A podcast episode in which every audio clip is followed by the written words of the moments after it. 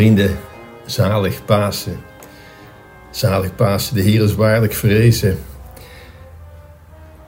Er is eigenlijk geen mooie moment in het kerkelijk jaar, vind ik, dat nadat je als Goede Vrijdag zult herdenken het lijden en sterven van Jezus. En dan op Stille Zaterdag.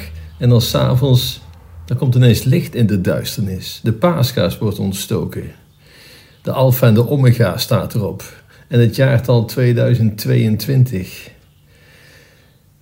De kaars wordt ontstoken, licht in de duisternis. Het klinkt alsof het allemaal nog net goed is gekomen. Mooi moment, zalig Pasen zeggen we. En dat is ook een prachtig moment. Pasen, wat, wat vieren we eigenlijk? Dat is een beetje weg bij de mensen. Vraag aan tien willekeurige mensen op straat wat Pasen eigenlijk is. En u krijgt minstens acht verschillende foute antwoorden. U, kent die clichés wel. De een denkt dat het een eierfeest is, een ander dat het iets met IKEA te maken heeft. Weer een ander denkt dat het het eind is van het jachtseizoen en dat daarom overal hazen en konijnen tevoorschijn komen. Of u kent alle clichés wel. Ik mocht deze week um, aantreden bij een aantal schoolklassen. Hier in het dorp waar ik uh, met grote regelmaat de Eucharistie vier. En, en, dat is mooi om te doen. De jeugd is ontvankelijk voor dat soort dingen. Het is een uh, mooi volkje is dat. Ik was bij een groep 8. Um, ehm, die hebben geen idee wat Pasen is. Ik, ik, neem dat niemand kwalijk, want niemand reikt dit ze aan. Maar goed, ik mocht dat zo vertellen. Het verhaal van Jezus in vogelvlucht.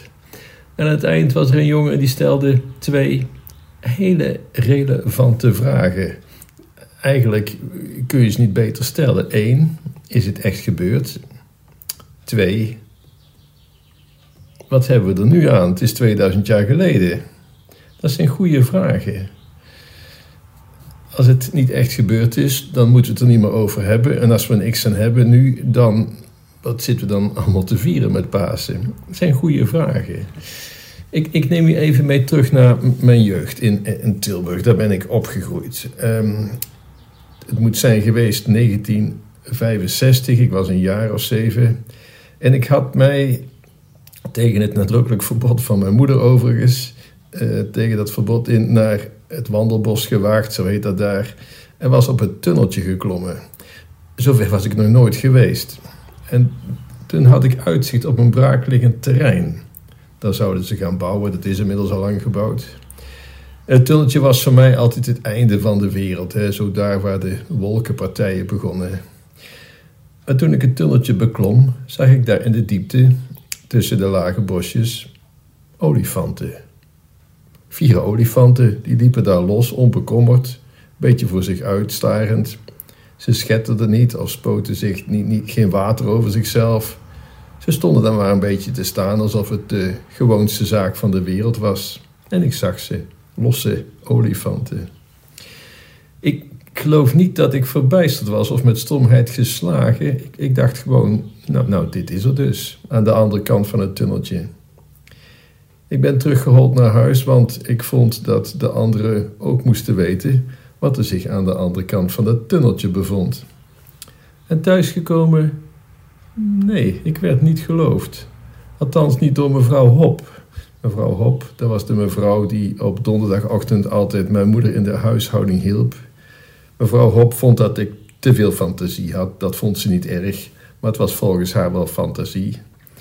En ze vond bovendien dat ik daar helemaal niet had moeten komen. Het was veel te ver weg uit de toon maakte ik wel op dat ze het niet verder zou vertellen. S'avonds vertelde ik het mijn één jaar oudere broer, die probeerde ik te overtuigen. Losse olifanten. Nou, ja, hij wist niet wat hij ermee moest. Ergens van overtuigd zijn en niet geloofd worden. Dat moet ook de apostelen toen zijn overkomen. Het is ze niet gelukt om de ervaring van de verrijzenis van Jezus mee te delen. Dat Jezus was gestorven, ja, dat, dat snapten de mensen. Ook al waren ze er niet bij geweest. Maar dat hij nu weer leefde, zo'n ervaring kenden ze helemaal niet en geloofden ze niet. Zoals het mij niet lukte om mevrouw Hop, mijn broer en overigens ook mijn klasgenoten de volgende dag te overtuigen, Daar voorbij dat tunneltje zijn olifanten. Uh, overigens, juf Els geloofde mij. Want tegen de hele klas ging ze uitleggen dat we zaterdagmiddag allemaal de olifanten te zien zouden krijgen. We zouden met de hele klas naar circusmatinee gaan. Juffrouw Els die geloofde me maar alleen omdat ze weet had van het circus. Ik herinner me nog hoe er iets in mij wegcijperde toen ze mijn wonderolifanten herleidde tot circusolifanten. Maar goed, toen Jezus was verrezen en de leerlingen van Jezus vertelden dat tegen de mensen, vonden de mensen hun ook maar vreemde snuiters. Ze werden niet geloofd. Ja, hoe maak je de mensen niet duidelijk wat je hebt meegemaakt? Iemand die dood is en weer leeft, maakt dat de kat maar wijs. En daarom geloofden ze hen niet.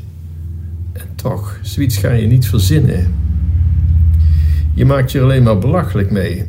Net zoals ik mijn, met mijn olifant. Als ik dat verzonnen had, had ik me alleen maar belachelijk meegemaakt.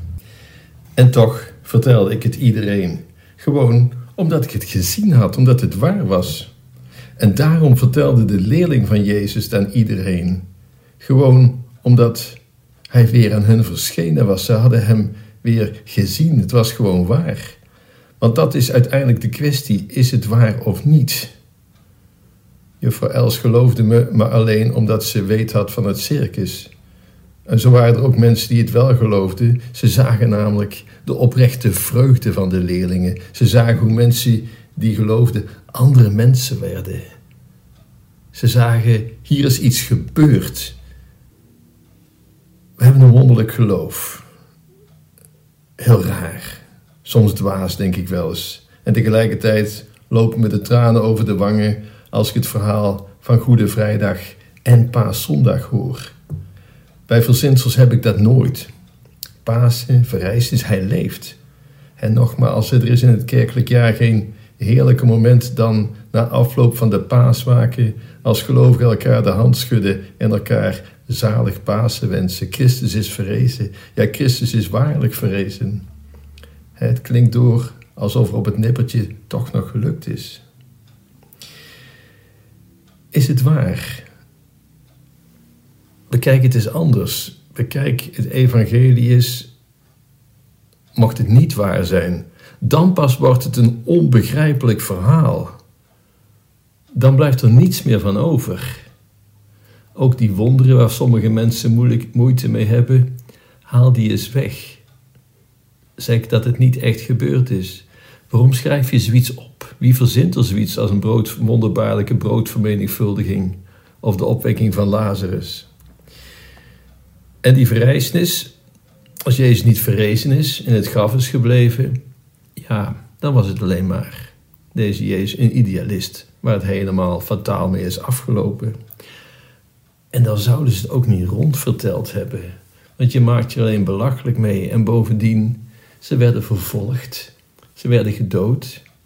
En daar gingen ze allemaal mee door, dat risico namen ze voor een leugen die ze zelf hadden verzonnen.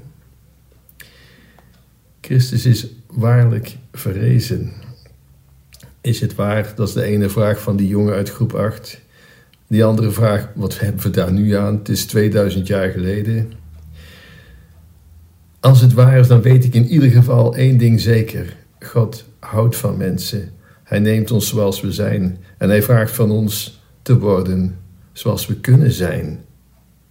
Witte donderdag zei Jezus, ik heb u een voorbeeld gegeven, volg dat na. Jezus is niet iemand van ingewikkelde theorieën of filosofieën. Als Jezus ergens sprak, ging niemand met hoofdpijn naar huis van wat bedoelt hij toch? Nee, het was volkomen helder. Ik zeg niet dat het makkelijk is, maar het is wel duidelijk en alle moeite waard. Alle moeite waard, want juist door te leven zoals hij, dan veranderen dingen, dan veranderen mensen ook. Als je zo met andere mensen omgaat, dan keren dingen zich ten goede. En dan is dood niet dood, afgelopen einde, maar een begin. En daarom is het de moeite waard Jezus na te volgen. Kijk naar Hem. Kijk even terug naar Goede Vrijdag. Hoe Hij al het kwaad in zich absorbeerde. En nee, de duivel had niets liever gehad dan dat Jezus in agressie losbarstte en met wraak reageerde, maar dat deed hij niet. Hij overwon het kwaad. Hij was sterker dan het kwaad. En waarom doet hij dat? Omwille van ons, uit liefde voor ons. Iets anders kun je niet bedenken.